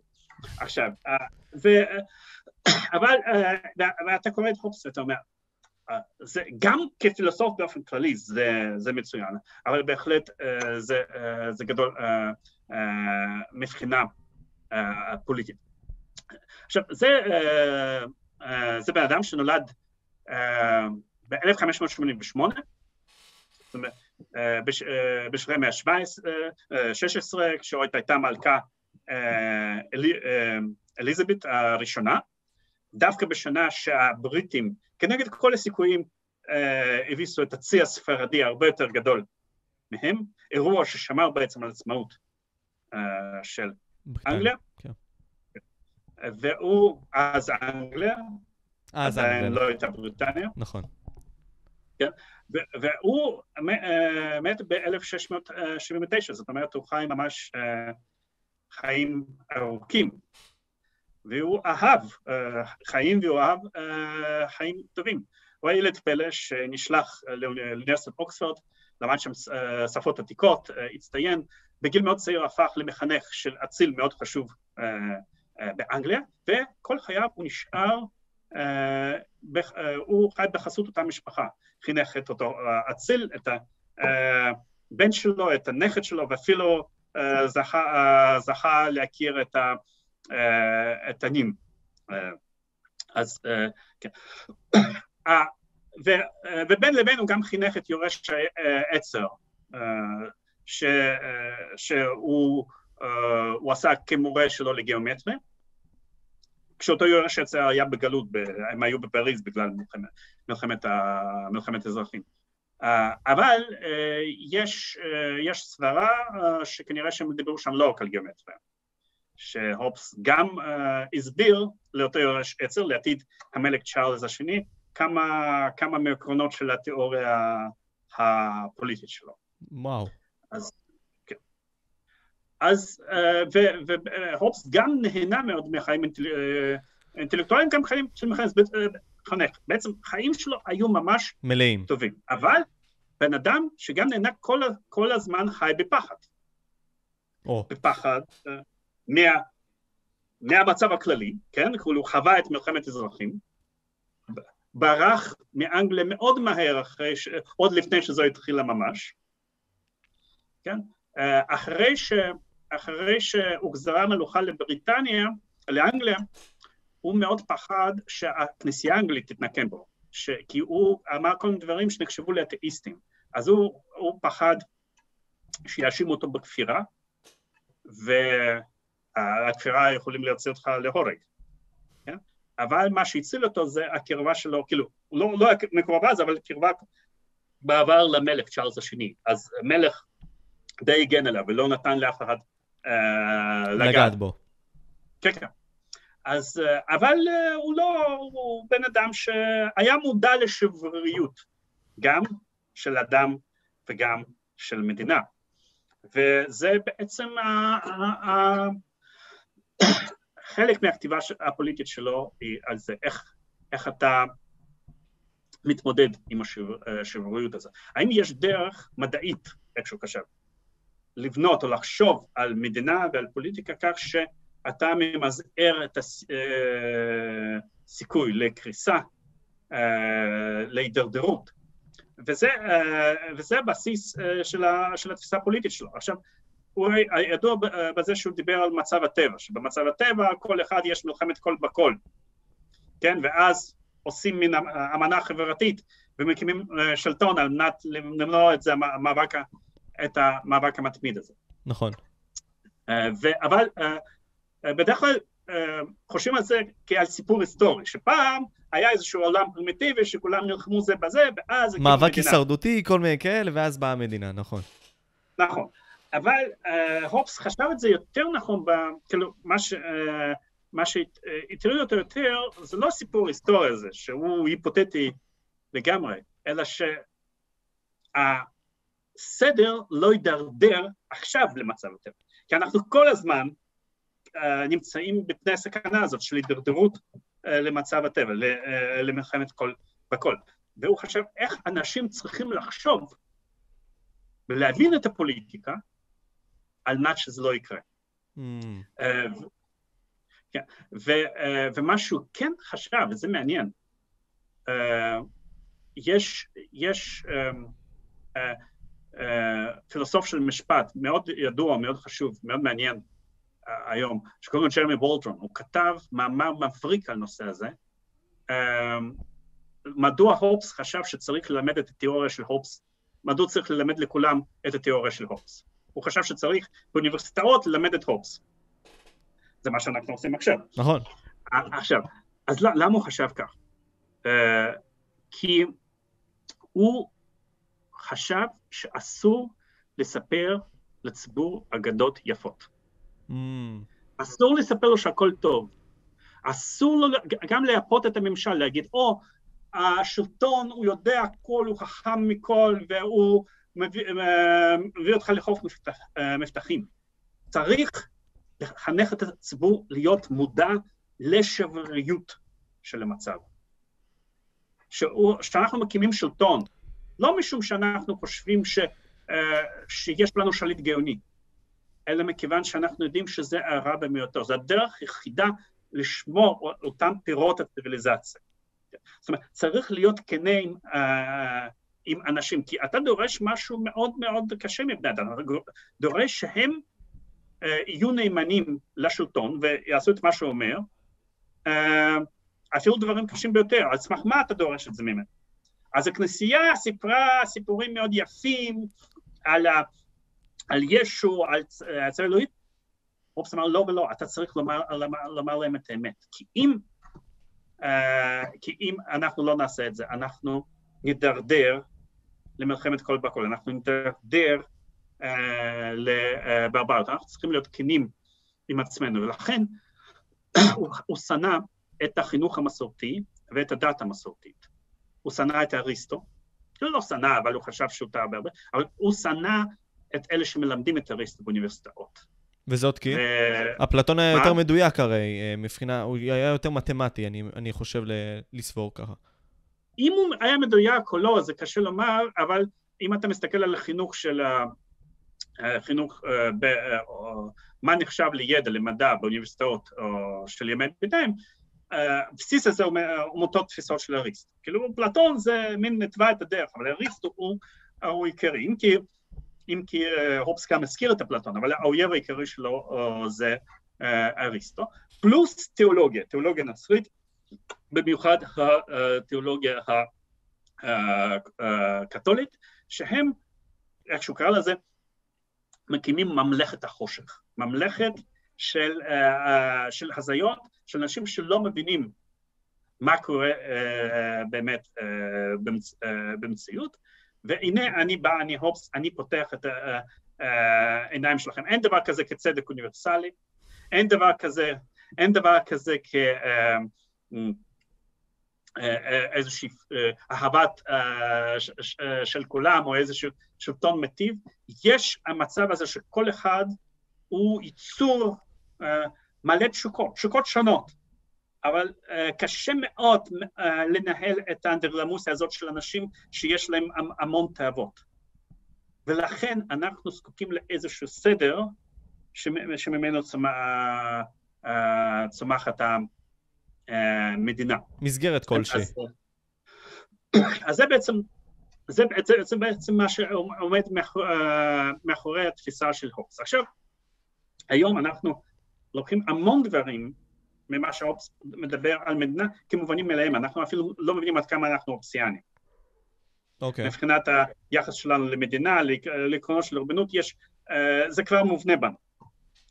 אבל יש נקודה אחת שבהן ההופס עדיין לא מובן מאליו, ואנחנו כל הזמן איכשהו מסתובבים סביב עד, עד, עד כמה אנחנו צריכים לאמץ לעצמנו את התפיסה הזאת, וזה כמובן יחסים בינלאומיים. אוקיי. Okay. כי יחסים בינלאומיים זה מצב הטבע. אין, אין סמכות אחת שיש לה אמצעי לכפות על כל המדינות איזה שהם כללי התנהגות. אוקיי. Okay. אין דבר כזה. תרחיב על זה. מבחינת הופס, מבחינת הופס אתה עדיין לא שלטון לגיטימי, אתה עדיין לא סמכות לגיטימית אם אין לך כוח לכפות את הפקודות שלך, את הכללים שלך. אז זה שיש לך אומות מיוחדות או משהו כזה, זה לא... זה לא יחזיק. זה נתון שניים. אז אין מדינה, אין ארגון על-לאומי שכופה עלינו איזשהם כללי התנהגות ברורים, ואם אתה עובר עליהם אתה מקבל עונש, אין דבר כזה. ולכן, במובן גדול, בזירה הבינלאומית, אנחנו עדיין חיים היום במצב האופסיאני, ואז אתה מתחיל לחשוב, אוקיי, עד כמה, מה, כמה מהתובנות של, של הופס בהקשר הזה, ויש שם גם לא בהכרח דברים שקשורים למדינה, הוא גם מדבר על חוקים שקיימים uh, במצב הטבע, איך בעצם אפשר לשמור שלום במצב הטבע ולנסות לשמור על השלום. אז איך אנחנו יכולים ליישם את זה במצב הבינלאומי, שאנחנו ממש עכשיו פשוט מתוודים עד כמה הדבר הזה שברירי.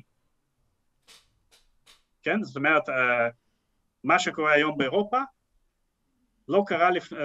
מאז מלחמת העולם השנייה. זאת אומרת, זה, זה חזרה בהיקף קצת יותר מצומצם של מלחמת העולם השנייה. זה, זה עד כדי כך, עד כדי כך זה, דרך אגב יש לזה השלכות מאוד מאוד חשובות לגבי המצב במזרח התיכון בישראל. גיאופוליטית מאוד מאוד חשוב העניין הזה, המוות השחור של אירופה, כמו שדאגלס מרי אמר בספר שלו.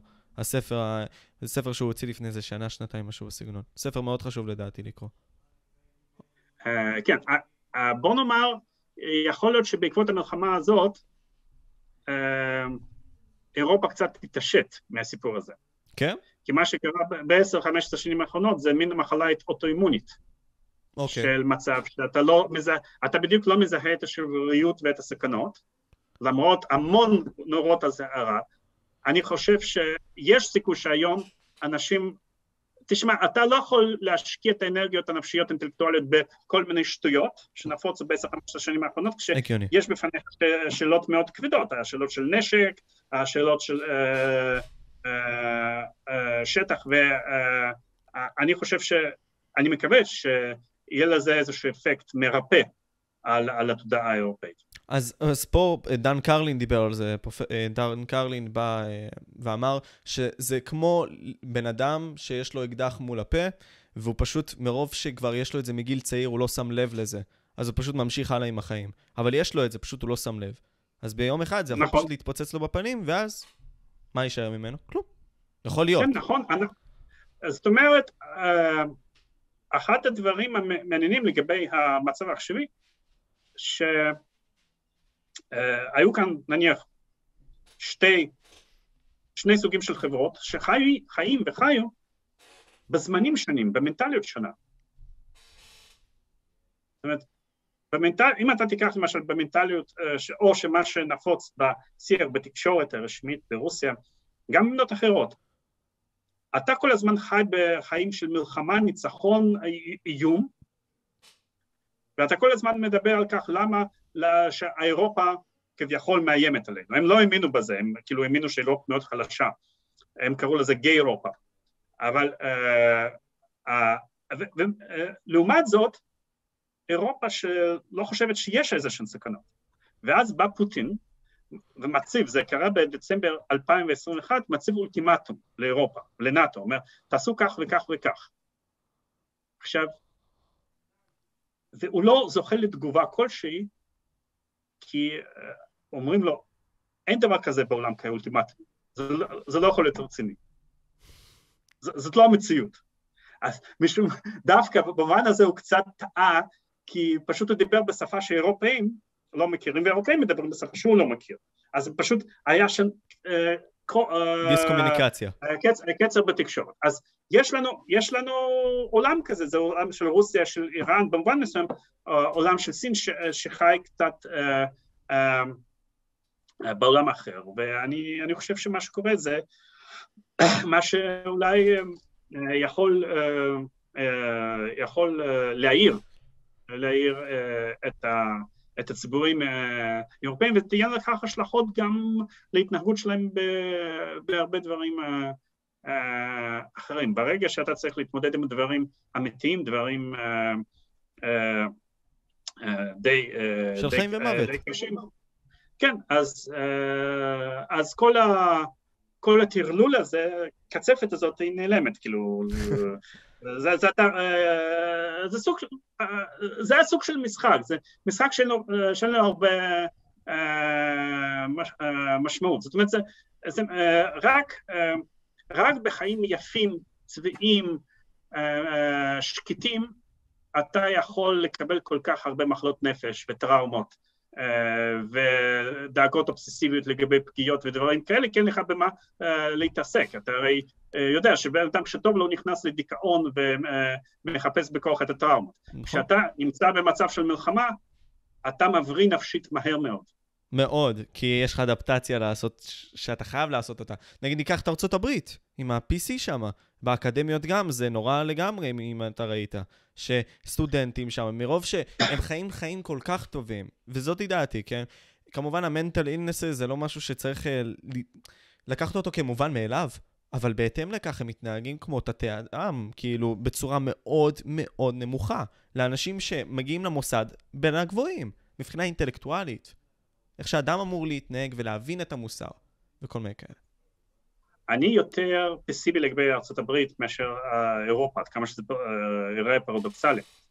אני, אני, uh, אני חושב uh, שה... Uh, גם, uh, גם ארה"ב יותר מרוחקת, ואני חושב שהמחלה האוטואימונית פגעה ב... אה, בחברה האמריקאית באיזשהו רמות עומק אולי הרבה יותר מאשר בחברות האירופאיות.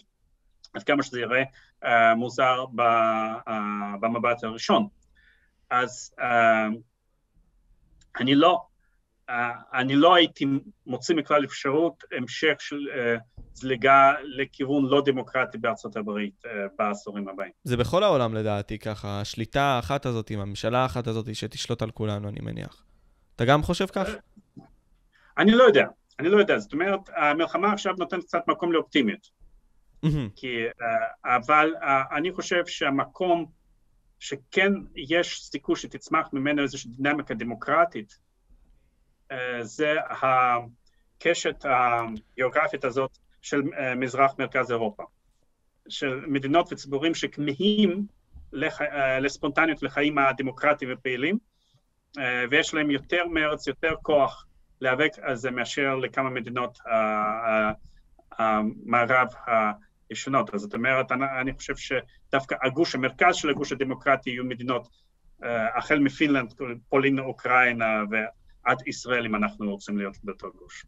זה, אבל אני, אני חושב שגם אותם מהלכים קורים עכשיו, בין אם זה גם בסין, שבעצם לוקחת הרבה מאוד מניות בכל מיני חברות, שהם, אה, שאנחנו נמצאים שם. הרי אנחנו מוכרים את הדאטה שלנו, כל אזרחי העולם, והרי זה בחינם. זה, זה היופי, בחינם, אנחנו אוהבים חינם. ובסופו של יום אנחנו מוכרים את עצמנו לשליטה כלשהי, ככל הנראה. נראה מה יקרה. Uh, המצב לא ישתנה ללא משבר גדול. זה נכון, זה בכל דבר. אז אני מניח שכאשר, uh, ואחרי שרוסיה תובס, ותעבור תהליך של אוקראיניזציה, ותשתלב uh, במרחב המערבי, אז אפשר לדבר על ההתנגשות בין סין ל... Uh, ל למערב, ונראה איזה, אילו צורות זה ייקח ו, ולמה זה יוביל. כן, זה, זה, הרבה יותר, זה הרבה יותר קשה מאשר להביס את רוסיה, uh, בכל מקרה. אבל uh, בינתיים, בינתיים, אם אנחנו מדברים על הדינמיקות בתוך העולם המערבי, uh, פעם, אני חושב שזה דונלד רמספלד, שר, uh, שר הגנה של ארצות הברית uh, לפני עשרים שנה, שדיבר על uh, אירופה ישנה ואירופה חדשה. היום אנחנו רואים שמתגבש לאט לאט, וכבר מתחזק, זה כבר לא בדיחה, גוש מאוד רחב של מדינות במרכז מזרח אירופה, שיכול להוות מגנט לכל אחד שרוצה לפתח דמוקרטיה ליברלית, אבל עייף מהטרלול ומהעייפות ומהמחלה האוטואימונית אה, שפקדה כמה מדינות מערב וקודם כל ארצות הברית. אני, אני חושב שאני אה, אה, לא צריך שום דבר להרחיב עליו, אתה אמרת את זה מספיק טוב. אני רוצה לשאול עוד שתי שאלות קצרות, ברשותך. תודה. קודם כל, בעולם האקדמי, כשנכנסת אליו וכל מיני כאלה, איך הסביבה עצמה? כלומר, מעניין אותי מנקודת מבט של פרופסור, דוקטור, שהיה בהרבה מאוד מחזורים, ראה הרבה מאוד אנשים הולכים, כלומר, איך מתנהלת הסביבה של הסטודנטים? איך אתה מרגיש גם כמרצה בכללי? אה, ואיך אתה רואה את זה גם בעולם, מעניין אותי. אוקיי, okay. אז לגבי סטודנטים, אני יכול לומר שמבחינתי מקצועית המצב ממש השתפר, וזה מאוד מדאיג אותי. השתפר? זה מדאיג, אה. אוקיי, מעניין. כן. עכשיו, אני זוכר שאני, אה, למשל באוניברסיטה העברית התחלתי ללמד ב-2004. ואני התלהבתי מאוד מהנושא שלי, שזה היסטוריה של מחשב מדינית, ואני ראיתי עד כמה שזה לא מעניין אף אחד. אוקיי. Okay. ממש, כאילו, זה, אה, אה, אני רואה ממש שינוי לטובה. בערך אה, מאמצע של שנות 2010, משהו אה, כזה, פתאום אה, אנשים, אני רואה, יש, זה כמובן לא הרוב, אבל יש אנשים צעירים שמתחילים להתעניין בזה, אידיאולוגית, קוראים גם ספרי הגות, דנים בזה, אני רואה את זה. אה, בהרבה מאוד דיונים ברשתות. וחלק מזה כמובן אה, אה, מקלות על זה הטכנולוגיות החדשות, שאפשר להשיג מידע, עד כמה שמערכת החינוך הרשמית הישראלית ניסתה, ניסתה למנוע חינוך מתלמידי ישראל, הם מוצאים לעצמם דרכים, דרכים עקיפות, וכן, זאת אומרת, לא מאפשרים למערכת החינוך אה, לבצע את המזימה האנטי-חינוכית. אתה, אתה באמת אה, חושב ככה? זה מעניין. אני, אני מאוד כן. מסכים איתך בדעה הזאת. אני, אני אספר לך סיפור. אני פעם ישבתי באיזה ועדה לאישור של איזושהי תוכנית באיזושהי מכללה, לא משנה מה, היינו שלושה אנשים, אחד מהם היה מנהל בית ספר מהדרום.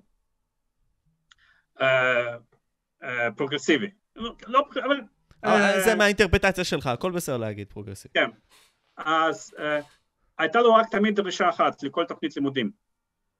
לק, אה, לקצר את הסילבוסים. כי זה, זה מאוד מפחיד שנותנים לתלמידים לקרוא הרבה. אז זו, זו אידיאולוגיה אנטי-חינוכית שהוא, שהוא ספג. אז, uh, אז כן, אז, uh, אז אני מאמץ בזה, ויש, כן, יש יתרון בטכנולוגיות האלה, כי עכשיו מערכת החינוך שלנו לא יכולה ללמוד, למנוע מתלמידים ללמוד.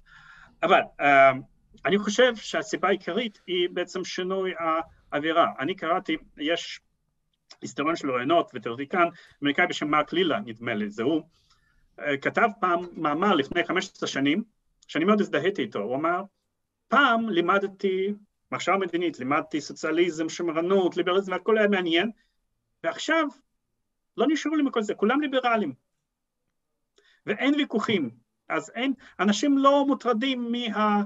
מהסטודנטים שאני פוגש, אין להם עניין כל כך בוויכוחים בין סיעות סוציאליסטיות שונות בתחילת מאה ה-20. וזה טוב או לא טוב? אני, אני מניח שזה לא טוב, כי אין חיכוכים. אני, אני חושב שלחברה זה טוב, לי זה לא טוב. Uh, עכשיו, ואז אנחנו רואים התערבות של הסדר הליברלי, כשליברליזם כבר לא בקונסנזוס, ואז פתאום, ברגע שמתחילים בוויכוחים, יש לא כמויות אנשים מתחילים להתעניין, כי זה הופך להיות קיומי. עכשיו, השאלה, אם אני מעדיף לחיות בעולם משעמם, שלאף אחד זה לא מעניין, או בעולם מאוד uh, מעניין, שאני יכול לתרום לו משהו, אבל הוא, הוא גובה מחיר דמים. אז אני אומר, למרות שרע לי עם זה שאף אחד לא מתעניין וחושב שאני עוסק בדברים מטופשים ואין לי שום חשיבות, אני מעדיף לחיות בעולם כזה. כמו שיש פתגם סיני עתיק, אה, קללה סינית עתיקה, שתה, אה, שתחיה בעידן של שינויים. Mm. אבל שינויים באים אחרי מלחמה לרוב, לא? מלחמה בעצמה היא שינוי. וגם מלחמת אזרחים זה שינוי. זה, זה דבר נורא. אז אני אומר, אני הייתי מעדיף ללכת בערב לאופרות, אה, לקרוא בצהריים קצת שירה, בבוקר אה, לטייל ביער, אה, ולחשוב על דברים שרק אני ואולי עוד כמה מהאנשים שחטפתי אותם והכרחתי לשמוע למה שאני חושב, אז זה מעניין אותם. או שהם נאלצים לקרוא משהו כי זה, כי זה קריאת חובה. איזה יופי אבל אתה מוצא בזה, מעניין אותי. אני, אתה יודע, אני רחוק ממך בדורות, אני... מה זאת אומרת רחוק ממך? כאילו, אתה עכשיו בן 90, אני בן 18, לא. אבל כן. אני, אני פחות תופס את התפיסה שלך. מעניין אותי אבל להבין, פרופסור פודוקסיק, מה, מה אתה תופס יפה באופרה, בשירה, באותם דברים, בהליכה הזאת, כמו ששורפנאוור וניטשה תמיד אמרו כזה, תצאו לטבע, הרעיונות יגיעו אליכם, כל מיני כאלה. מעניין אותי. אתה יודע, אתה שואל את השאלה שמאוד קשה לענות עליה. איך אני יכול, איך אני יכול לנסות אפילו לגשת לזה? אתה לא יכול לחוות איזושהי חוויה שאתה חווה אותה. אני אגיד לך, אני אגיד לך מתוך, אה, בוא נאמר כך, תחשוב, אה, תחשוב על מישהו שאין לו חוש טעם, איך אתה יכול להסביר למישהו למה, למה זה כל כך מהנה? או, חוש טעם. שאלה טובה. אין לך אינדיקציה. אין לך דרך. אין לך דרך. אז אני מלמד בערך כל שנתיים קורס שנקרא אופרה פוליטיקה, ואתה גם מוזמן. אה, סתם לבוא כשומע חופשי ולהקשיב לקורס הזה. בשמחה. איכשהו קרה, אני לא יודע מה הסיבה, ש... שלא נרשמו לשם אף פעם, עד עכשיו סטודנטים למוזיקולוגיה. נרשמו סטודנטים מהמחלקה שלי, ממחלקות אחרות, בדרך כלל כמעט אף אחד מהם אין לו חינוך מוזיקלי, אין לו רקע מוזיקלי, אה, ומוזיקה בדרך כלל לא מעניין אותו. לוקחים את זה כי זה, סתם אולי זה מתאים למערכת שעות או מכל מסיבה אחרת. כן? ונתקלתי נתקלתי לא מעט פעמים שבשיעורים הראשונים אה, יש איזשהו סוג של אה, ציניות או אה, גיחוך על הנושא, ונו, מה זה, זה לא רציני, אני לא מתחבר לזה, ו... ואנחנו, במהלך הקורס הזה אנחנו יושבים בכיתה שהיא גם מין אולם, או אולם קולנוע קטן, מעין אולם, אולם מדיוטק בספרייה, ואנחנו אה, גם מדברים, אבל גם, אנחנו גם מקשיבים לקטעים מאוד ארוכים של מוזיקה. ואני אה, מרגיש שבאמצע קורס חל איזשהו שינוי. ברגע שאתה מתחיל לתפוס את העניין ולחשוב ולחוות את זה, אתה פתאום מבין, זה, זה לא סתם, זה נותן לך משהו.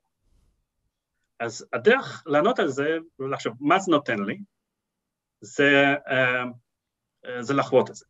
עכשיו, יש דברים שונים אה, אה, אה, לחוות, יש למשל הרבה אנשים צעירים שאומרים לחוות, נניח זה סמים, נכון? נכון. יש גם כאלה. בעיקרון, נכון. אני אף פעם לא צרפתי סמים, ויכול להיות שלא חוויתי כל מיני חוויות שהיו יכולות להיות, נניח, מהנות מבחינה מסוימת. אלא שהרצו שלי אומר, אולי נלווה לזה איזשהו, איזשהו נזק מסוים, וזה לא כדאי. אז הרצו שלי אומר, זה לא, זה לא כדאי, כמו שיש מין, מין פתגם כזה שצריך לחוות כל דבר בעולם, ועל זה יש תשובה, מין בדיחה, שאומרת, אמ, משום מה זה תמיד אנשים, ש... כשאנשים אומרים על זה, מדברים על אלכוהול, סמים וסקס, אבל לא מתכוונים לפיזיקה אה, והאירודינמיק. אז עדיף לפעמים לחוות אה, פיזיקה והאירודינמיקה מאשר סמים, כן? אז... כן, וגם אופרה. אז, uh, אז מי, ש, מי שנניח מתוך זה שהוא כן יודע לצרוך סמים אבל לא הקשיב לאופרה, שיבין שזה אותו דבר וזה סם יותר טוב. הוא סם שפועל על, על, בצורה הרבה יותר הרמונית עליך. לא באופן זמני, לא על איזשהו חוש אחד, אלא באופן כללי. אתה פשוט צריך להתר... להתרגל אליו. ואתה גם צריך להיות קצת להבין שלא תמיד צריך להיות לגמרי קונפורמיסטי עם החבר'ה. אני זוכר פעם, פעם כשהייתי בגרמניה בשבתון, ידיד ישראלי, שגם התגר שם, הזמנתי אותו לתיאטרון האופרה. הוא, הוא לא ממש, הוא לא ממש הכיר את העולם הזה, ואז הוא הגיע, ואז הוא הגיע איתי לאותה הצגה, והדבר הראשון שהדהים אותו זה כמה אנשים צעירים ונערים נמצאים שם. באמת? מעניין. כן, כי הוא, כי הוא מתוך, אתה יודע, התפיסה הישראלית שלו חשב, או, זה משהו בשביל זקנים. כן? אז לא לחשוב כך, לא לחשוב כך, זה, זה אותו דבר ככדורגל, כצריכת סמים, רק הרבה יותר מהנה.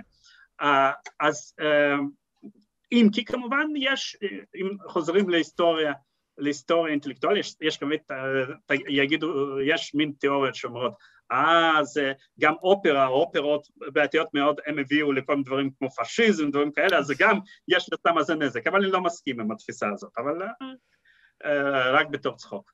תמיד, תמיד יש אה, דרכים למצוא את הרע בטוב. זה, זה, זה עניין מסוים.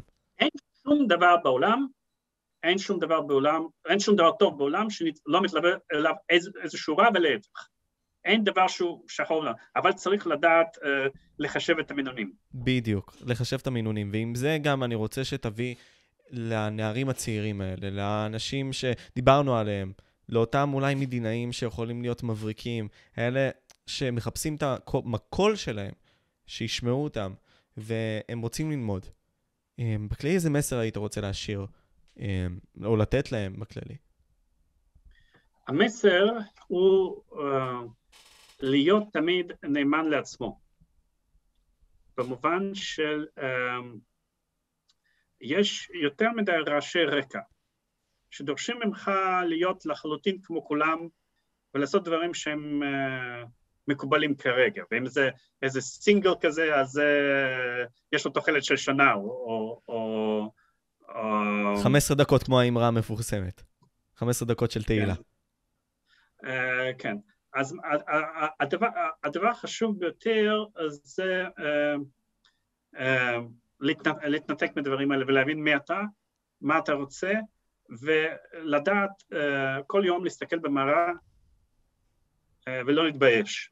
ממה, אה, ממה שאתה רואה. וזה דבר שהרבה יותר קשה מאשר הרבה דברים אה, בעולם. זה, בגיל הנעורים זה דווקא נראה קל, אה, כי המחירים שאתה משלם על יושרה, על הגינות בגיל הנעורים הם יחסית קטנים. עם הזמן זה הולך ומתגבר, אבל אם אתה לא לומד ואתה לא, לא מייחס, מייחס חשיבות לדברים אלה אה, כשאתה צעיר, אתה, אתה כשאתה תהיה מבוגר אתה לא תהיה מסוגל, תהיה חלש מדי כדי לעשות את זה.